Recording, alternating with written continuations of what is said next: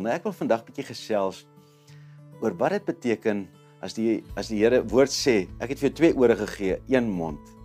Twee oë, een mond. Die antwoord kom, ons moet leer om dit wat ons meer gekry het, meer te gebruik. Meer luister, minder praat.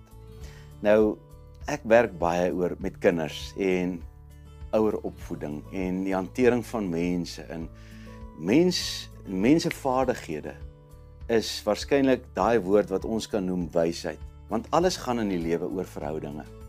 En as jy verhoudinge reg kan hanteer, dan sê Salomo in Spreuke, dan jy meer as goud en silwer. Soek wysheid met alles wat jy het.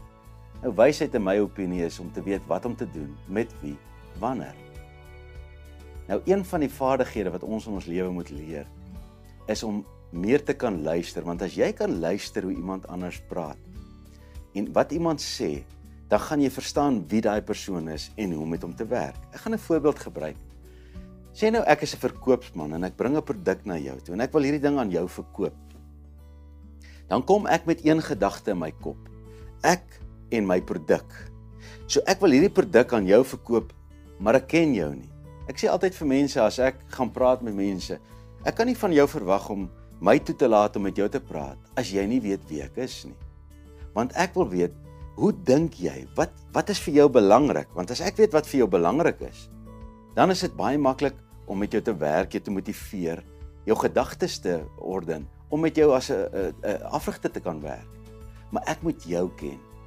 Nou, my vraag vandag is, ken jy die mense om jou? Ek het nou by 'n 'n skool gaan praat, by Grey College gaan praat nou die dag. En met 'n klomp ma's en seuns. En die uiteindelike ding waarby ek toe kom is ek sê toe Die seuns is nou 13 jaar oud. Ek wil hê julle moet vandag die volwassenheid neem want julle word nou manne. Julle moet vandag die volwassenheid neem om uit te vind wie jou ma is. Want soveel keer word ons grootgemaak om te dink alles gaan oor ons. Alles gaan oor my. Maar die vaardigheid van die lewe om wysheid te vind beteken jy ver, vers, verskuif daai lig van jou af. Skuif hom na iemand anders en vind uit wie's mense om jou. Ek het toe vir daai ma's en seuns gesê die seun gaan nou en hy vra vir sy ma hierdie vraag: "Mamma, vertel vir my wat is mamma se droom?" En ek het toe die vrouens nou voor die tyd gewaarsku en gesê: "Jy mag nie jou kind jou droom maak. Want as ons nou die woordjie druk in die lewe vat, pressure. Pressure beteken my kind is my droom. My kind se sukses is my droom en daai kind hoor, maar ek is verantwoordelik vir die sukses van my ma se lewe. En dis waar baie kinders lewe. En toe het ek vir die kind gesê, nou gaan jy en jy kry jou ma aan die praat.